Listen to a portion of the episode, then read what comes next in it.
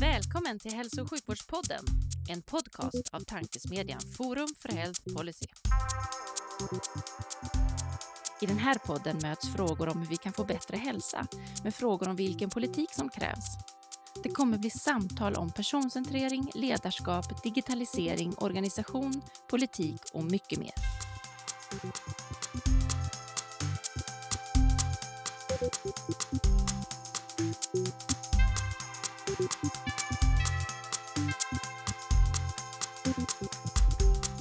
Hej och välkomna till Hälso och sjukvårdspodden. Tankesmedjan Forum för Health Policys initiativ för att sprida goda idéer och tankar kring dagens och framtidens hälso och sjukvård och omsorg. Jag heter Magnus Lejelöw och arbetar till vardags för Colivia men även ambassadör för Forum för Health Policy. Och vid min sida idag har jag förmånen att välkomna en cancersamordnare med lång erfarenhet från hälso och sjukvården i allmänhet och vården söder om Jönköping i synnerhet. Varmt välkommen till podden Kjell Ivarsson. Tack så mycket. Det är en solig dag när vi spelar in och det är sol i sinnet så det blir kul att se vad det här tar vägen. Spännande. Men vi börjar som, som jag brukar göra den här podden. Men hur tror du att svensk hälso och sjukvård ser ut 2040? Det är en spännande fråga. Jag tror att vi har passerat ett antal viktiga milstolpar under de åren framåt till 2040. Jag tror att hälso och sjukvården till viss del kanske känns igen men sen är det andra delar som jag tror kommer att bli väldigt nytt för, för både hälso och sjukvården men också för våra invånare. Tillgängligheten tror jag kommer till att bli annorlunda. Vi kommer till att kunna vara närmare vår egen möjlighet att kunna påverka vården. Samtidigt med en stor respekt också kommer vi till att kunna göra mer i hälso och sjukvården. Eh, förhoppningsvis om inte det är stora händelser som kommer till att eh, påverka oss så tror jag att vi kommer till att ha framgångar inom vissa områden som eh, kommer till att påverka så att säga den enskilde invånaren väldigt mycket. En stor utmaning tror jag det är att vi har ju varit väldigt traditionella med de yrkesgrupper som har varit i hälso och sjukvården. De legitimerade yrkena som sjuksköterskor, läkare, fysioterapeuter, arbetsterapeuter och så vidare. Jag tror att det kommer till att vara nya kompetenser inne i hälso och sjukvården som inte finns idag. Och jag tror också att man som enskild människa kommer till att vara mycket mer integrerad i hälso och sjukvården än vad den finns eh, för möjligheter idag faktiskt. En sak som jag också ser som jag själv tycker är oerhört spännande det är ju att om våra skulle vilja säga de klassiska specialiteterna, om de kommer till att vara så som de är, jag menar med kirurgi och medicin och ortopedi och så vidare. Eller det kommer till att vara en mer integrerad process eh, mellan de här specialiteterna. Eh, där vi kanske gör en vårdresa som är mer horisontell än som den är idag, så att den är vertikal. Ska du få till de där första fem punkterna tror jag att vi måste göra någonting sånt. Jag tror det i detta. Och vi är på väg på inom vissa områden skulle jag vilja säga. Mm. I detta. Men invånarens och den enskilda människans integrering i sin egen vård och hälsa tror jag kommer till att bli mycket, mycket, mycket annorlunda, mer annorlunda och mycket mer tillgänglig än vad den är idag. Spännande, vilka bra punkter. Då, nu ändrar jag plötsligt alla frågor. Här har du liksom skapat hela podden i form av liksom siandet av framtiden.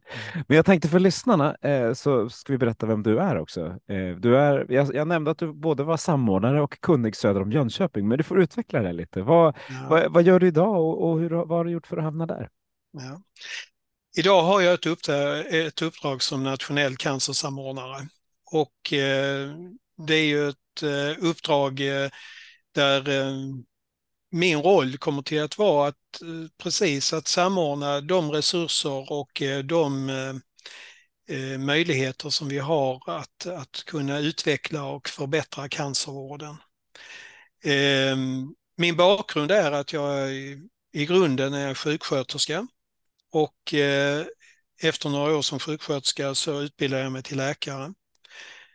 Och ehm, min specialitet som läkare det är kirurg. Och eh, genom åren har jag ju arbetat kliniskt väldigt mycket med patienter med cancersjukdomar. Ehm, sen 2005 så har jag varit chef och ledare på olika nivåer inom hälso och sjukvården. Och precis som du sa, jag har ju jobbat igenom fyra stycken regioner där ni hör på dialekten att jag kom från Skåne, så jag har jobbat en stor del av min kliniska tid och som den första delen som chef i Region Skåne. Sen har jag varit i Region Halland, Region Jönköping och nu senast har jag varit hälso och sjukvårdsdirektör i Region Blekinge. Så det var kanten av Vättern och sen ner till Östersjön. Ja, det, var, det var verkligen min resa. Men då får man se mycket. Det är dessutom ett par ganska bra sjukvårdsregioner och, och drivande regioner i mångt och mycket. Så det är spännande och bra.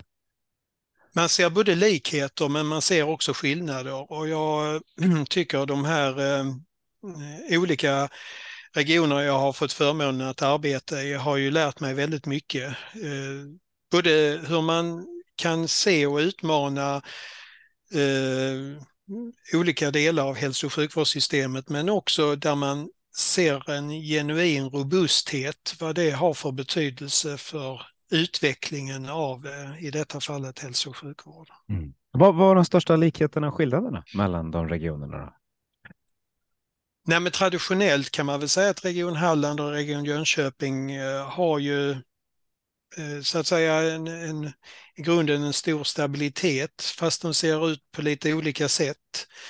Eh, det som jag såg som stack ut väldigt mycket i Region Jönköping det var ju just detta med eh, de ständiga förbättringarna, grund, att man har byggt en grund, något som man kallar det för mikrosystem, där man hade liksom i verksamheterna byggt upp möjligheterna att kunna ta sig an eh, projekt, att kunna utvärdera projekt och ständigt förbättra eh, och eh, implementera det på ett systematiskt sätt. Och där ser man vilket jag tror är en väldigt viktig del i hälso och sjukvården för att vi ska lyckas, det är ju en, att ha en uthållighet att bygga någon typ av grundplatta och inte liksom vika av för mycket från den grundplattan. Mm. Det tycker jag jag har lärt mig mycket eh, faktiskt och kanske som ett exempel i Region Jönköping. Och för 85 poddavsnitt sedan intervjuade jag Göran Henrik, så om man vill ha mer om mikrosystem så, så kan man återgå till det avsnittet. Eh, precis, jo men det, Göran och jag, vi, Göran Henriks och jag jobbar ju nära varandra och eh, hade många samtal om just detta. Jag kan tro det. Men hur var Blekinge då? För Blekinge är en liten, eh, en liten trädgård men också en, en liten ganska liksom avskild region som mm. ändå mm. hänger ihop med flera stora regioner. Mm. Men jag tycker Region Blekinge är ju en äh, region som eh, dels har stora utmaningar äh, Även om den ligger i den södra delen av landet och sådant så, så har den sin geografi och mm. äh, ligger där den ligger med, med så att säga de de utmaningar vad det innebär. Men samtidigt skulle jag vilja säga att Region Blekinge har, eh, har en potential och eh, jag brukar säga det att eh, det, finns, det finns en närhet till så mycket eh, i en liten region som man kan ta vara på. Den potentialen tror jag att man eh, kan utveckla väldigt väl där. Sen är det ju som i alla andra regioner en, en, en utmaning med framtidens kompetensförsörjning och, och eh, få våra utbildningar och utbildningsplatser till att bli också växtplats för att, att vilja stanna kvar och, och, och så vidare. Och där tror jag att eh, vi behöver eh, arbeta väldigt mycket för att hitta just de där guldkornen i arbetet, arbetsmiljön och så vidare. Så att även om man kanske inte ligger mitt i en central del av landet så, så måste vi kunna känna oss lockade att vara. Och naturen i, i Blekinge som en fantastisk med kusten och, och med skärgården och alltihopa eh, tycker jag är en, en miljö som, som skulle locka. Om du hade fått börja från scratch utan några byggnader, hur många sjukhus hade du byggt i Blekinge då? Ja, med 160 000 invånare behöver vi ju inte leka med den tanken utan det är ju ett sjukhus egentligen. Jag minns, Sen, bara, jag minns bara diskussionen som gått het om att det fanns två sjukhus där nere. Ja, och den, eh, den jag håller på att säga den frågan, den är väl avslutad. Men eh, om man skulle börja från scratch och man skulle få landytan och säga att här ska vi bygga ett sjukhus så skulle man nog bygga det mitt i Blekinge och, eh, och eh, som jag också ser, liksom eh, samverkan och samarbetet med de andra regionerna. För att det är en sak som jag tror är oerhört viktig för framtiden, det är ju att vi måste samverka mycket mer mellan våra olika, om vi håller oss till sjukhus, men också andra hälso och sjukvårdssystem. Mm. Ehm, Jag menar utvecklingen av sjukvården går så snabbt eh, som den är nu så att eh, ska våra invånare kunna få eh, tillgång till, till liksom eh, det bästa så, så kan vi inte ha det överallt utan vi behöver liksom eh, koncentrera det och då kanske man ska göra det i samarbete, att vissa gör det och andra gör detta och eh, på så sätt att inte det bara ett plus ett blir två utan kanske ännu mer. Precis, vi kommer tillbaka på det på cancerområdet tänker jag, för det är ju något som där det verkligen händer saker just nu. Men jag tänkte en, en, en, en nyfiken fråga. Du, du började som sjuksköterska och sen blev du läkare. Vad, ja. vad har du tagit med av det? För det är två specialiteter som liksom är nycklar i mångt och mycket, men som mm. också behöver samverka mycket. Hur, hur, hur blev du, för nu utgår jag att du blev en bättre läkare från att ha varit sjuksköterska innan. Ja, men det, är väl mycket, det är väl mycket som eh, man kan ta med sig och eh, det som jag tror är en del i det i alla fall har ju varit möjligheten att eh, kunna verkligen arbeta mycket med det personcentrerade hos patienten. Ehm, som jag har haft nytta av tycker jag genom min, min resa i yrket. Eh, kunna förstå varandras roller eh, i vårdteamet eh, som jag tycker är oerhört viktigt att, att göra. Jag tror att varje länk är så viktig att man måste verkligen förstå varandras funktioner. Mm. Ehm, sen, sen tror jag också att där finns liksom det här mötet med mötet med den enskilda personen det vill säga patienten, har haft en stor betydelse också i mitt fortsatta arbete. Och har också ett stort intresse om hur eh, stor skillnad man gör med bemötande och mm. kommunikation. Vad det betyder. Mm. Eh, samtalet, eh, både före och efter kanske ett besked av en svår sjukdom och, och så vidare det är väl sådana saker som jag ser som jag har kunnat ta med mig och kunnat fortsätta att utveckla. Bra, det låter som viktiga saker att ta med sig och förmedla på många sätt och vis. Eh, du nämnde det först att du, du, tror att tillgängligheten kommer att bli annorlunda i framtiden i hälso och mm. sjukvården. Mm. Eh, och tillgängligheten är ju något, vi, Sverige är bra på många saker. Vi, en av sakerna vi inte är så bra på är tillgängligheten. Och, och, nu när vi tittar på, på framåt vad det gäller eh, liksom, personalsituationer och så där så, så ser vi att det kanske blir ännu färre som jobbar. Hur, hur tror du att tillgängligheten kommer förändras? För du lät ganska positiv när du sa det. Jag tror med de verktygen som vi håller på att utveckla idag, med den tekniken som finns eh, och eh, vi pratar ofta om digitalisering och digitaliseringen. Digitaliseringen ser jag som verktyget. Det är vårt sätt att arbeta som är den stora förändringen. Det tror jag eh, kommer till att eh, ge våra invånare mycket större möjligheter att kunna vara med på ett annat sätt hur man eh, följer upp sin sjukdom, hur man kan kanske få ännu snabbare återkoppling av undersökningar, eh, medicinering, hur man kan följa den, hur man kan ändra medicinering genom att kanske patienten hemma kan göra sina egna mätningar av sina funktioner och så vidare.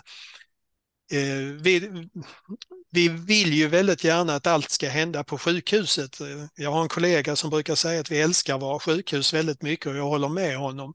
Jag tror att vi, och där, där har vi oss själva som som medarbetare i hälso och sjukvården en stor resa att göra, att våga släppa det taget och, och, och, ge också ett ansvar för, för patienten. Patienten klarar väldigt mycket själv eh, med rätt stöd och, och där tror jag att eh, tillgängligheten kommer till att, att förändras på det sättet. Eh, och, och, vi älskar, vi, ja, förlåt, kör. Nej, men jag tänker så här också att, att det gör ju också att vi får eh, kanske en, en, i framtiden en, en, en, patient med mycket mer kunskap om sin egen sjukdom än kanske man har idag. Mm. Eh, och man, blir lätt, man kan få lättare tillgång till den information som, som behövs.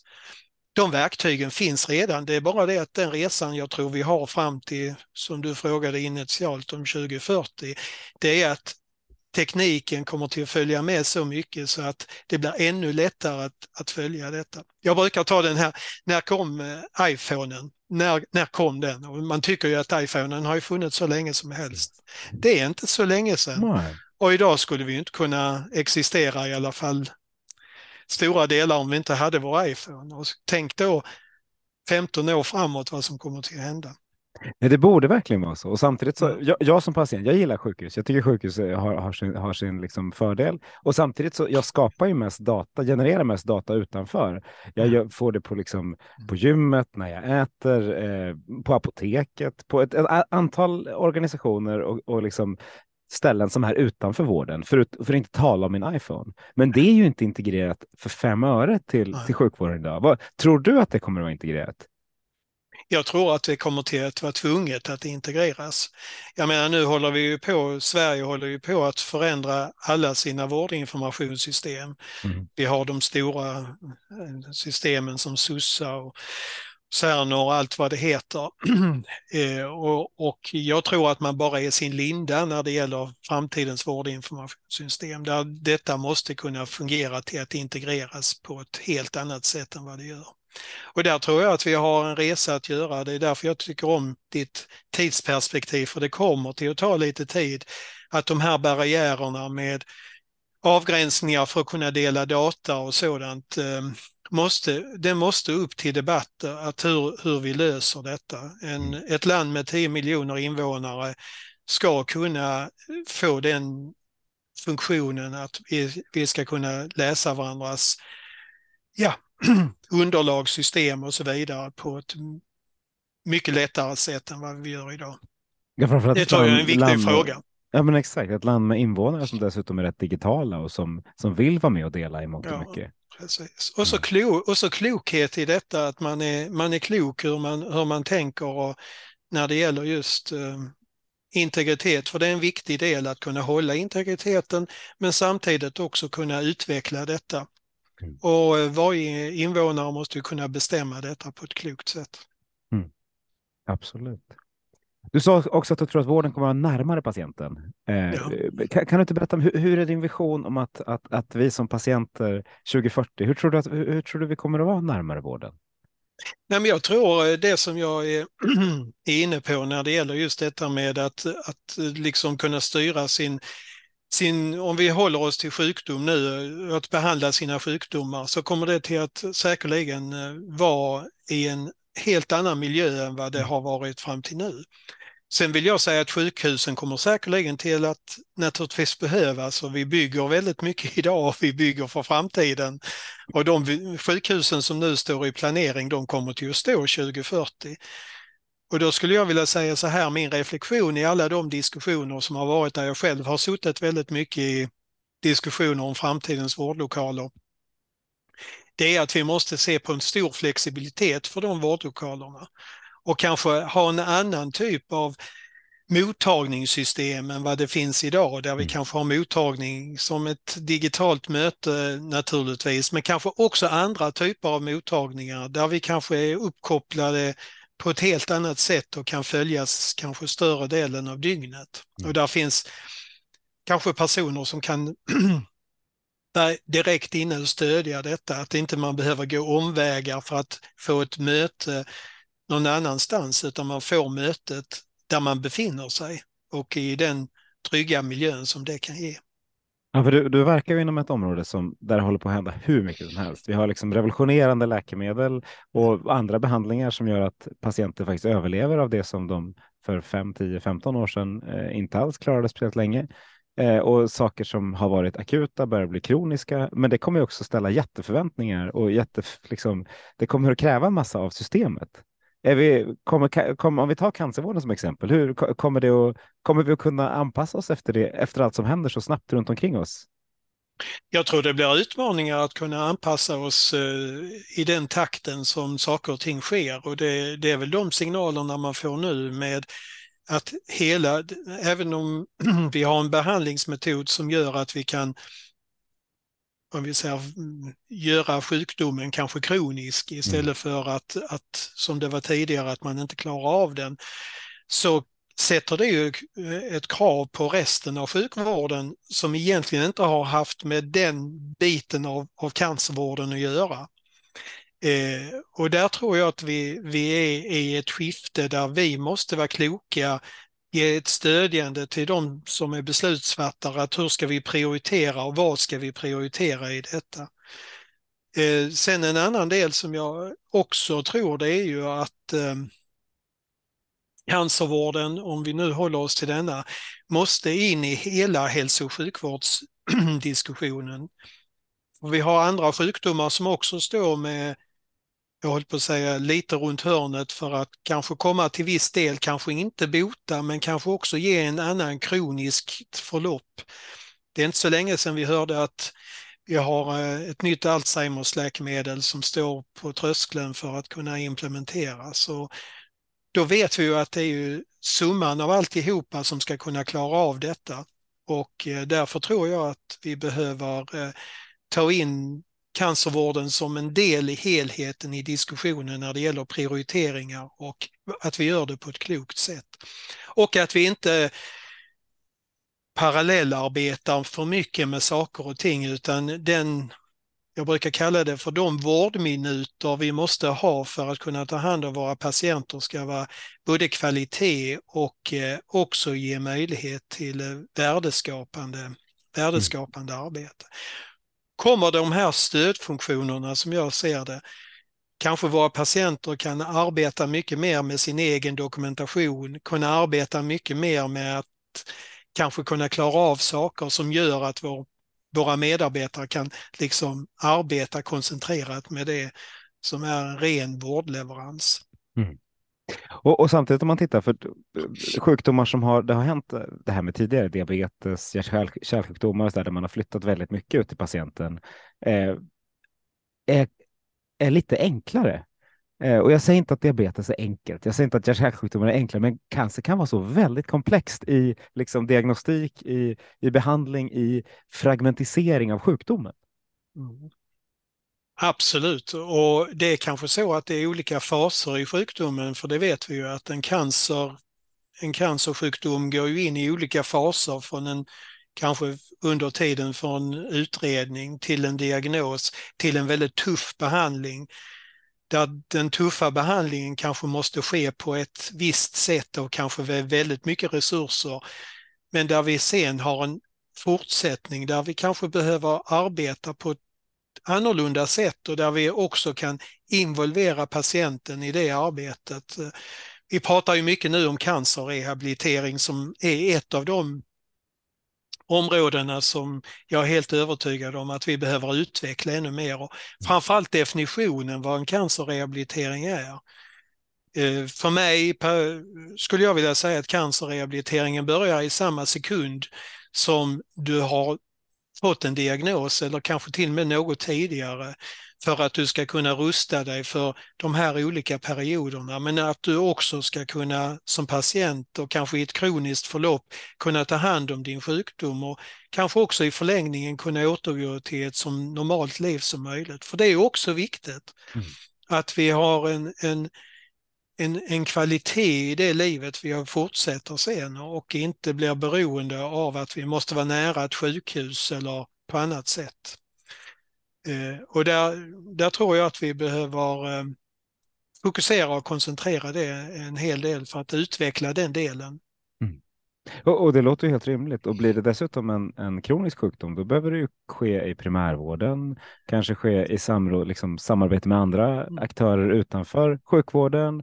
Eh, ja, jag lyfter fram Frisk Svettis och Apoteket eh, hela tiden för att det är sådana aktörer som kommer in där och, och, då behöver vi kunna rätt mycket. Ja. Och det är det jag tänker också, att eh, andra aktörer än de klassiska aktörerna. Jag menar, jag har stor respekt för primärvårdens uppdrag för att eh, i varannan mening idag så säger man och så är det primärvården. Och eh, vi, har, vi har den kapaciteten vi har i primärvården och även om vi skulle förhoppningsvis kunna utveckla den ännu mer så, så, så måste vi också vara kloka till hur ska primärvården kunna vara det navet som ändå man säger i omställning till god och nära vård, hur det ska vara. Mm. Och där behöver vi ju på olika sätt stödja primärvården, både med kompetensförsörjning men framförallt också tror jag med stöd av teknik och liknande som gör att det också blir ett blir rimligt hanterbart eh, uppdrag. Mm. Vilket ju i princip inte är nu och, ska, och, det, och, så ska man lägga på mycket mer cancer som är ganska svårt och demenssjukdomar i olika former som också är rätt svåra. Det är en tuff utmaning, men det, vi gillar ju utmaningar i vården också. Ja, utmaningar är ju till också för att vi ska kunna utveckla.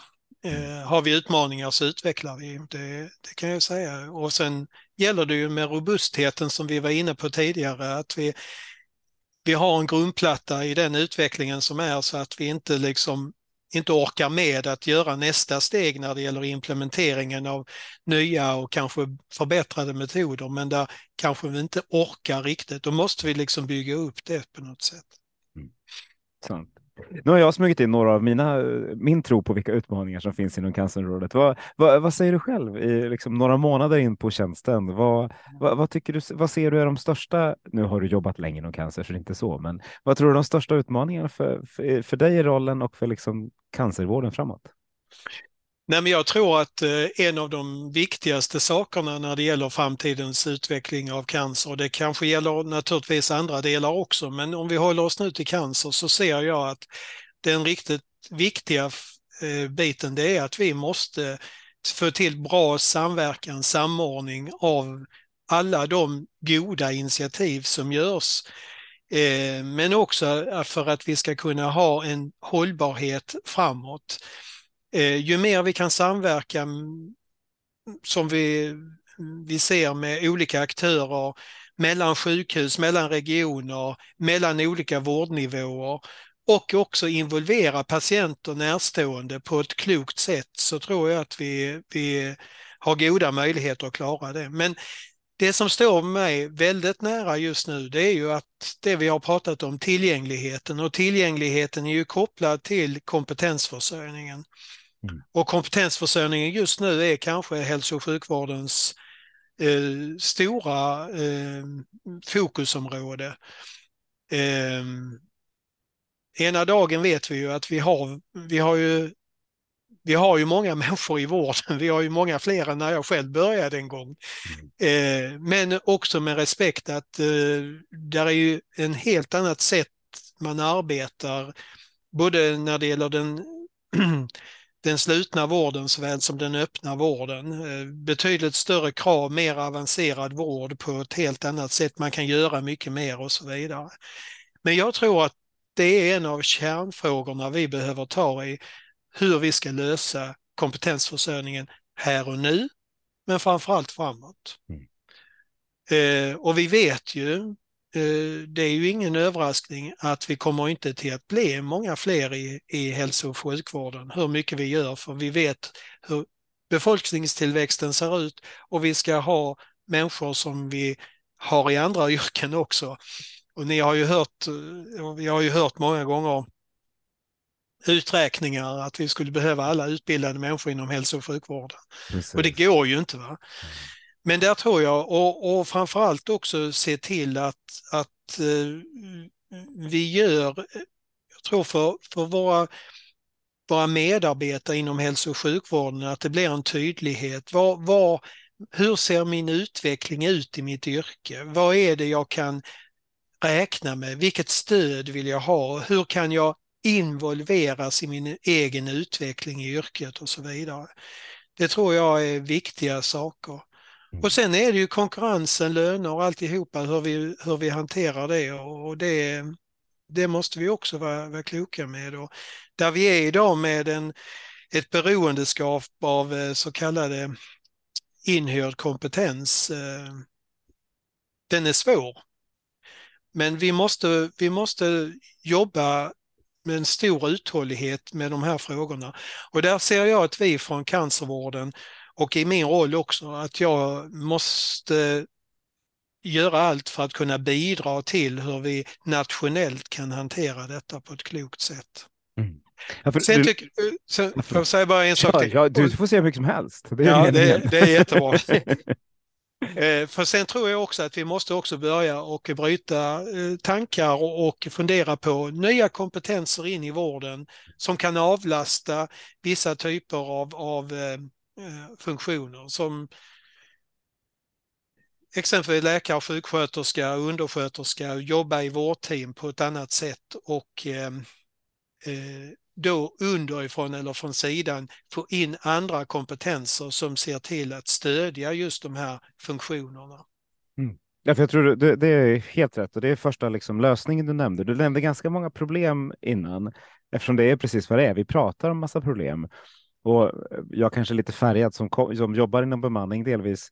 Eh, där, där eh, det, det är ju någonting som, som du nämner som något negativt, vilket jag kan förstå och samtidigt vårdpersonalen nämner som något positivt, vilket jag också kan förstå. Så det finns liksom två väldigt många delar av det. Vi behöver nog bli bättre som arbetsgivare generellt på att ta hand om att vårdens personal vill göra på olika sätt framåt. Och där tycker inte jag vi är idag riktigt.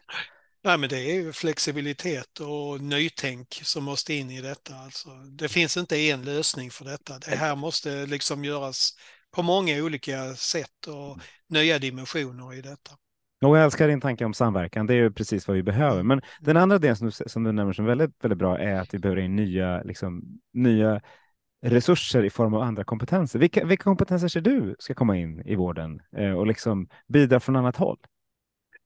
Nej, men jag tänker att det finns ju vissa delar i vården idag som vi skulle kunna, eh, och där, där man kanske till och med är lite mer eh, lämpad för saker och ting. Och jag tänker detta med eh, kommunikation, möten på olika sätt, administration runt som jag ser vi skulle kunna utveckla. De medicinska sekreterarnas roll skulle kunna förtydligas på ett annat sätt och skulle kunna arbetas kanske annorlunda. Mm. Jag tänker på ett sådant exempel där vi är fortfarande i en linda, skulle jag vilja säga, det här med att dokumentera. Vi dokumenterar ju oerhört mycket och väldigt långa och under de åren jag har arbetat sedan 80-talet inom hälso och sjukvården så gör vi nästan likadant fortfarande. Vi dikterar och så låter vi då någon annan sitta och skriva ut det och sen ska man läsa det en gång till och så vidare. Och vi har ju tekniken, tekniken finns där. Men där har vi en tröskel av många skäl och jag behöver inte gå in på den, men, men där kan jag se att vi skulle kunna lösgöra mycket kapacitet bland medicinska medicinska sekreterare som skulle kunna avlasta mycket i just det här med den administrativa delen. För det tror jag att vi måste, vi måste minska den delen för att vi ska kunna producera mer, som jag kallar det för vårdminuter, alltså vara nära patienten i detta. Håller som med. ett exempel. Mm. Det, det, Sen är det fler, sen är det fler kom, kompetenser som jag också kan, eh, kan se. Mm. Eh, men eh,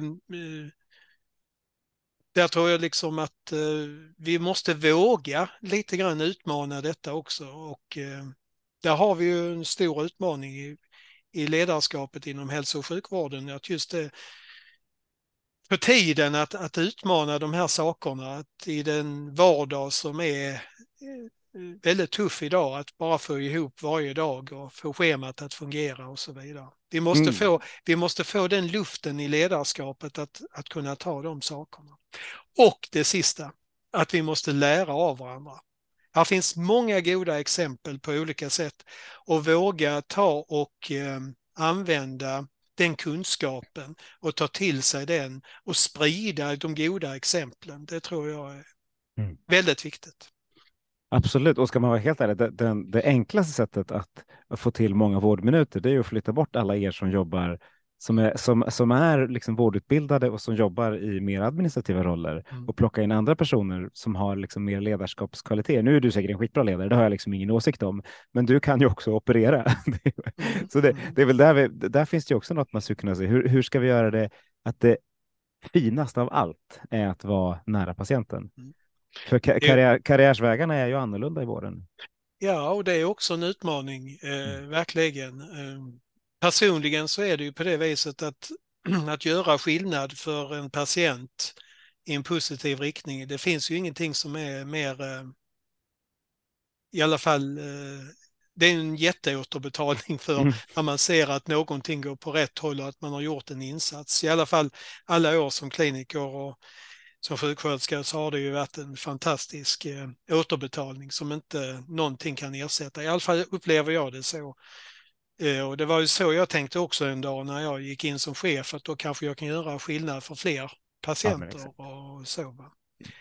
Eh, men det, det, måste vi, det måste vi få tillbaka på något sätt i, i, eh, ja, i vår känsla. En annan sak jag skulle vilja in i vården, det är folk som analyserar data i större ut, utsträckning. Vi är väldigt duktiga på att forska på data, men jag skulle vilja alltså, använda data i vården, i vårdmötet i större utsträckning. Hur, hur tror du man skulle kunna katalysera den dimensionen lite? Om du håller med mig naturligtvis.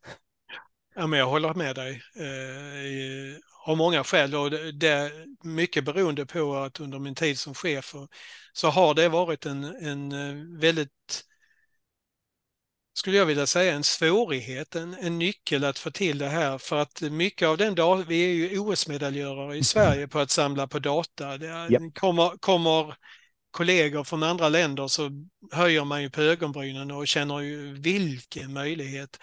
Men tillgången och det jag tror vi behöver jobba med det är att få tillgången nästan lite minutoperativt. Mm. Vi får väldigt mycket data i ett retrospektoskop och det, det kan väl vara bra men det blir liksom inte den effekten att kunna styra på den data vi behöver. Och det behöver inte vara så många eh, mål, effektmål eller liknande som man styr sin data mot men några stycken centrala tror jag att vi behöver ta fram och kanske också liksom arbeta med dem eh, övergripande i, i Sverige för att vi ska också kunna hitta den där, var gör jag just nu mest nytta och var mm. kan jag som patient få mest nytta av detta? Absolut. Och vad, om du fick ta fram dem, vilka, vilka hade varit dina favoritparametrar att mäta? Då? Ja, så här Lite lätt sån här tisdagsfråga. Ja, men det, det, det kanske inte var den lättaste frågan en tisdag, men jag, skulle, jag, jag tror det här med att, att se och kunna hitta de här, eh, om, om man säger tillgänglighet tillgänglighetsluckorna som finns. Alltså det finns ju tillgänglighetsluckor som vi inte ser för vi ser inte helheten. Den enskilde kan se det men inte helheten. Mm. Det tror jag att eh, hade varit ett av de här målen. Eh, och sen eh, försöka också hitta hur vi gränsövergripande skulle kunna använda varandra. Alltså, man har ju haft sådana här saker tidigare, bästa tiden och snabbast första tiden och allting sådant, att vi skulle kunna få mer en dashboard över hur det ser ut. Att mm. I bästa fall att jag själv som patient skulle kunna ta det, men att vi i vården skulle kunna säga, men där finns ju just nu en tid. Den skulle vi kunna använda för dig som har den prioriteten. Mm. Ja, det hade varit något. Då är man patientnära dessutom. Och eh, patientnära. Ja, och eh, en sån som man, liksom, man tittar på, man tittar på olika sjukvårdssystem handlar om triagering. Eh, där vi idag är rätt fast i att triagera inom vården och inom vår egen avdelning. Det finns jättefina triageringar där, där man liksom inom en digital vårdgivare triagerar på din, till dina egna mottagningar eller att du inom liksom en vårdenhet kan triagera. Men helhetstriageringen där, där du kan liksom du borde hamna på, ja men ta Friskis Svettis, du borde hamna på apoteket, du borde hamna på onkologen, du borde hamna på... Hur, hur ska vi få till den på något bra sätt i det här fragmenterade systemet vi lever i? Nej, men jag tror att vi måste börja där vi, där vi står och där vi är och vad vi kan arbeta fram för bra. Eh, om man tittar på eh, bra eh, eh data och lära oss av detta, då tror jag de här andra sakerna kommer också. Men mm. vi måste börja gräva där vi är. Eh, och lite grann också våga utmana en del när det gäller att, att kunna dela på den datan vi har. Mm. Och det vet vi ju att det är ju också en begränsning just nu. Absolut. Tyvärr är det det. Man önskar att det gick enklare mm. och snabbare. Eh, när, du sitter och tittar på, eh, om du sitter och tittar utanför Sveriges gränser, vad, var tittar du då när du vill liksom på goda exempel inom, men ta cancervården? Alltså man skulle kunna säga som så att eh, jag tror att det finns väldigt goda exempel lite överallt. Eh, mm. Vi ska först börja titta där vi själva är, för det tror jag vi, vi, vi, är, vi är väldigt bra där vi är, även om vi hela tiden behöver utveckla oss. Eh, sen tror jag att där finns ju, där finns ju vissa system som, som är fokuserade på liksom enbart cancersjukhus, hur fungerar de? Det skulle man ju gärna vilja titta lite mer. Att, att äga hela vårdprocessen, att man äger allt från ax till limpa så att säga. Mm. Och, och, ehm, Det kan man säga att det finns lite spridda i hela världen goda exempel på detta. Det som jag tycker är en spännande sak och som jag har tittat på lite grann, det är ju faktiskt hur sjukvården i Alaska är är uppbyggd. Och där är ju sjukvården patientägd. Mm. Och det tycker jag är ett spännande koncept. Sen är det ett begränsat land och det finns säkert lätthet i detta, men det finns säkert mycket guldkorn i detta som man skulle kunna plocka med. Och där kärnan återigen går utifrån den enskilde och eh, primärvården så att säga. Ja, dessutom jag... att, att, att de går utanför vården, att skaffa vårdlotsar i liksom form av vanliga personer som är med. Det, det blir man jätteimponerad av. Ja, det tycker jag. Och det är ett bra exempel. Sen är det ju aldrig att göra som man brukar kalla copy-paste och bara ta med det, utan men, men ta de delarna som man skulle kunna utveckla. Det, det tycker jag är... Ja, de har fascinerat mig. Jag har hört på ett par stycken bra dragningar om det och tycker det verkar spännande. Ja, verkligen. Det tog ganska lång tid att komma fram till det. Liksom. Det tog väl 25 år att skapa systemet, men det är ändå ett väldigt ett, ett, ett fint sätt att jobba. Eh, Däremot... Sen en sak, sak ja. till som jag tror eh, att eh, också är viktigt, det är ju att arbeta med standardiseringar. Och det har vi ju sett inom hälso och sjuk, sjukvården när det gäller cancervården med de standardiserade vårdförloppen. Mm.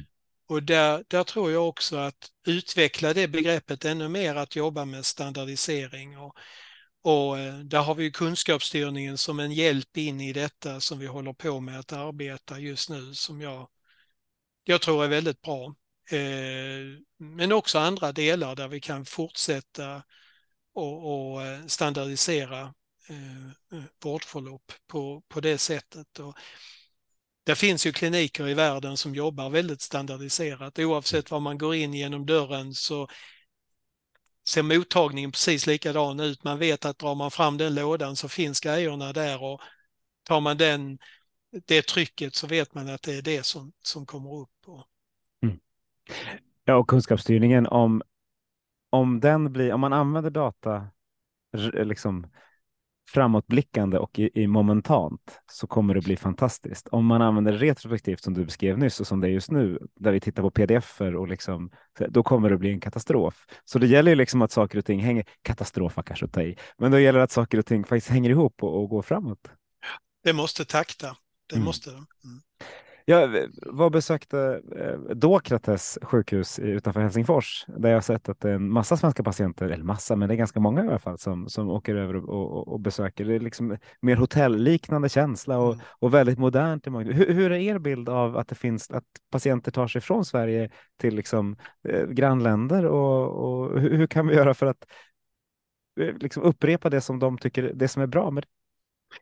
Jag har varit inne på det. Jag tror att eh, vi pratar mycket om ett lärande nationellt. Jag tror det internationella lärandet är ju jätteviktigt att, att uh, arbeta med. Och jag tycker att vi har en väldigt stor möjlighet nu med den europeiska cancerplanen. EU har ju tagit faktiskt ett av sina mission och det är ju cancervård. Och ett av de sakerna det är ju hur vi, hur vi kan stötta varandra, hjälpa varandra och det är lite grann vad jag pratade om, det lilla perspektivet att eh, ska vi vara i framkant i, i, i all typ av behandling och, och, eh, och utveckling så, så tror jag att var och en kan inte göra allting utan vi måste alltså tillsammans fördela och kanske också koncentrera vissa saker. Och där tänker jag att eh, eh jag menar våra patienters eh, naturligtvis möjlighet att kunna förflytta sig. Det bekymrar mig lite grann för var finns den jämlika vården i detta då? Och ja. Eh, då kommer det begreppet in. Då, då tror jag att det är viktigt att vi tar liksom ledartröjan och ser till att det här är en del av den jämlika vården, att kunna ge varandra den möjligheten att, att kanske vårdas på, på ett annat ställe eller till och med utomlands. Det tror mm. Men då ska, det finna, då ska det finnas de incitamenten också i detta. Mm. Ja, men för, för nog är det så, för, för jag vill också ha, jag vill ha jämlik vård om den är så bra som möjligt. Om den är, om den är bara jämlik dålig så är jag inte så intresserad av den. Nej. Och här finns det något där det finns liksom lok som drar, oavsett om de ligger i Sverige eller utomlands, så är det något positivt om vi kan, liksom, om vi, om vi kan följa efter dem. Men hur ska vi ha eh, incitament och, och ersättningar då, som, som faktiskt gynnar? Vad, vad, vad, vad tror du om den knäckfrågan? Ja, det är en svår fråga egentligen. jag, jag jobbar bara med svåra frågor. Nej, men jag... Alltså, jag har hållit på att säga ersättningar och incitament, det kan man nog jobba med och det, det det är väl, om man säger till viss del eh, en, en, eh, att det händer här och nu kanske vissa saker. Men jag skulle vilja säga att ska man göra någonting och, och göra rätt satsningar så ska, man, så ska man titta på det här med robustheten och långsiktigheten och jobba med de sakerna. För det där ryckiga som kan hända i, i sådana här särskilda satsningar och sådant kanske man ska fundera på också vad det ska, vad det ska få för effekter. Men eh, jag tror det här med robusthet och ut, uthållighet i, i tydliga processer, utveckling som vi har pratat om. Eh, det tror jag är kanske det som är mest värdefullt. Mm. Absolut. Um, du jobbar inom ett, ett, område som är liksom fullt av innovationer. Skulle jag säga att det är liksom just nu kanske mer än någonsin. Hur, hur ser du på Sverige ur ett liksom, innovationsupptagningsklimat? Nej, men vi måste skapa så att säga bra arenor för att jobba med eh, innovationer. Eh, och vi kan säkert bidra till, till eh, detta på ett eh, internationellt sätt också, tänker jag det som jag ser många gånger det är ju att vi måste också se kanske de stora penseldragen, det kan man nog hitta olika och stora grupper och liknande. Men jag skulle också vilja säga att lite grann tillbaka till mikrosystemet när man ser på innovationer som man kanske inte tror är en innovation. Mm. Men det kan ju vara ett, ett verktyg för en patients egen möjlighet att kunna göra sin, sin vårdresa som skulle kunna vara en plan eh, eller liknande som jag tror att vi måste ha ögonen öppna för att kunna identifiera som en innovation också. Mm. Och där man ska också kunna ge möjligheter till att, att utveckla den typen av, av eh, eh av hjälpmedel eller verktyg eller, eller tekniker. Sen ska vi också veta att eh, det görs väldigt mycket goda tankar ute varje dag i vården.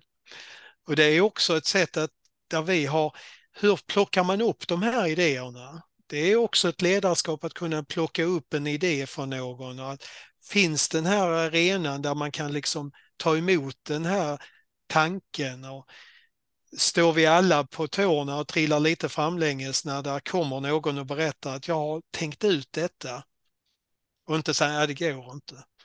För då har man tagit bort den här drivet att, vi, att, vi, att, vilja, att vilja utveckla. Mm. Och det är svårt att göra när det, när det är stressigt och tajt om tid och så här. Då, kan det, då kan det bli svårt att faktiskt göra det som vi alla, höll jag på att säga, förstår är det vettiga. Sen är vi ju ett land, Sverige är ett land med mycket historia om väldigt goda, om vi tittar på medicinområdet, eh, goda och fina innovationer som vi Mm. måste vara rädda om och, och den miljön, att ha den miljön, det tror jag är oerhört viktigt. Håller med. Två, två heta områden inom, inom ditt fält eh, är screening och egenmonitorering. Som, man liksom, som både kan vara det nya svarta och eh, livsfarligt för systemet. Vad, vad, vad tror du om, om dem och idag och framåt? Jag tror att eh, alltså hela begreppet tidig upptäckt kommer till att bli ännu mer eh, väsentligt och då är vi Mm. tillbaka på detta. Vad kan vi göra? Prevention, allt förebyggande, tidig upptäckt. Det är där vi måste så att säga ha ett stort fokus framåt. Eh, sen måste vi hitta eh, system som kan ta hand om detta för jag menar eh, det är väldigt enkelt att komma på någonting men det måste finnas en robusthet, alltså en organisation som kan ta hand om det. Annars kommer ju den som förväntar sig detta på ett kanske nästan skadas mer än det gör nytta så att säga. Och vad tar vi hand om det som inte är just den sjukdomen men kan vara en annan del i en ohälsa? Och hur tar vi hand om det? Alla de sakerna måste ju vara klara och tydliga när man, eh, när man går in i, i, i nya screeningmetoder och sådant. Sen händer det ju saker jättemycket. Jag menar, jag tycker ändå det är fascinerande att vi är igång med saker nu när det gäller tanken med eh, tarmcancerscreening som jag själv har varit med i hela processen och de man säger, lite grann uppförsbackarna som var att man löste det. Och det kan ju också dra med sig eh, att andra typer av framtida screeningar, där har vi hittat lösningen redan. Mm. Eh, och sen är det ju vad som händer eh, när det gäller biomarkörer och liknande, att kanske man väldigt tidigt eh, kan hitta någonting. Men då har vi återigen, vi måste ju se till att invånaren vill detta och, Mm. och gör de här sakerna till sin egen nytta. Den andra sidan på detta det är ju också prevention. Där, där tror jag vi måste satsa jättemycket för framtiden och hitta saker tidigt. Och inte bara tidigt i, i, i tekniken utan också tidigt hos den enskilde invånaren. Börja i barndomen, prata alla, alla som finns med i den lilla människans uppväxt så att säga, att finnas med i den processen. Mm. Och det behöver inte alls vara hälso och sjukvården, det kan vara andra delar av vårt samhälle. Absolut, och- för, för det där är ett, så här, ett sjukt hett område eh, som man alla, alla säger att vi måste göra det, men det finns ganska lite pengar dedikerade till det och, och det passar inte riktigt in i sjukvården så där som vi skulle vilja. Hur, hur tror du man ska göra för att faktiskt få, få det att hända? Nej, men jag tror att vi måste så att säga bredda upp detta ännu mer och se att andra delar i samhället är med på denna och, och där kommer ju också in andra typer av aktörer jag menar som arbetar mer fokuserat med folkhälsan. Sen tänker jag också en del i detta det är ju att vi har ju vi har ju faktiskt rätt många vårdmöten där vi pratar friskvård och en av de vårdmötena som vi har som vi inte tänker på så mycket det är ju faktiskt eh, våra tandläkarbesök. Mm. Där vi möter eh, en möjlighet att, att eh, kunna få ett frågeformulär eller att man får ställda frågor av någon som, som kanske är utbildad för att kunna hantera det så att säga. Men som ett exempel, ta vara på de vårdmötena för att istället för att vi pratar vård, prata hälsa. Mm. Helt med och tycker det låter jättebra. Däremot så, så, så saknar jag då kopplingen till till tandläkarmottagningens journalsystem där man skulle vilja att det plingade till och så här. Här vill jag att du ska fråga det här, för det vill, skulle vården i övrigt vilja. Hur, när tror du att den signalen kommer att komma? Ja, det är ju jättesvårt. Jag, jag tror att vi måste bjuda in. Vi måste bjuda in alla delar i, i, eh, i, hälso och sjukvården för den här typen av diskussioner. För jag tror inte det finns något hinder utan att man vill vara med och bidra. Eh, ja. Men eh, jag tror att vi måste hitta den rätta, den rätta frågan, det rätta forumet för att diskutera de här sakerna. Absolut, och samtidigt så finns det aktörer som, som Praktikertjänst till exempel som ju har massa tandläkarmottagningar, de har mm. primärvård, de har BB, mm. de har liksom ett antal olika där det borde finnas möjlighet att, att få saker att hänga ihop om man pratar med dem. Precis. Men jag tror att man måste bara väcka frågan och, ja. och ställa den här frågan så att säga. Jag håller fullständigt med. Eh, yt ytterst relevant kommentar. Spännande med tandläkare också. Mm. Du, eh, vi har pratat en timme ungefär nu. Tiden går hysteriskt fort när man... Fantastiskt, fantastiskt roligt att uh, få det här samtalet. Ja. När, när, du, när du kom in i det digitala rummet, var det något du kände att det här skulle jag vilja prata om som, som jag inte har lyft? Nej, men jag tycker vi har berört jättemycket eh, eh, i detta. Samtidigt eh, kan man ju säga att eh, vi får inte glömma bort allt eh, fina och det goda mm. som görs i hälso och sjukvården varje dag. Eh, jag skulle vilja säga att eh, vi pratar väldigt mycket om det reaktiva, det vill säga när det väl har hänt. Mm. Jag skulle vilja lägga mer tid på det proaktiva före det har hänt och eh, vända på utmaningarna till möjligheter. Det tror jag är två viktiga saker. Det... Men vi har ju berört det på olika sätt, men eh, jag vill ändå understryka att det är två av mina absolut viktiga hörnstenar. Det tycker jag vi kan ta med till hela livet, även utanför sjukvården, att se saker, se glaset som halvfullt, men också att försöka se saker innan de händer. Ja, ja jag håller med. Det, det är fantastiska slutord. Då tycker jag vi, mm. vi tar med oss de orden och så går vi ut och förändrar svensk hälso och sjukvård till bättre helt enkelt. Tack så hemskt mycket Kjell för att du var med i den här. Tack själv, tack för samtalet.